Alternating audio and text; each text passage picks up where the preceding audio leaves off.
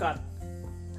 Matius 13 47 sampai 53. Demikian pula hal kerajaan surga. Bilang firman Tuhan Yesus.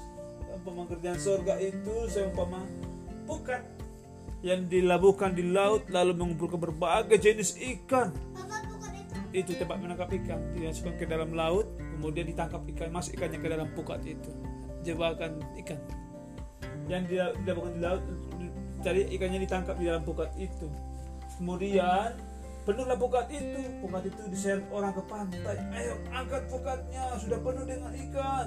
Lalu mereka duduk dan mengumpulkan ikan yang baik ke dalam pasu dan ikan yang tidak baik mereka buang. Jadi mana ikan yang baik dimasukkan ke dalam tempat yang baik mana ikan yang busuk yang tidak baik buang ke laut lagi. Demikianlah juga pada akhir zaman.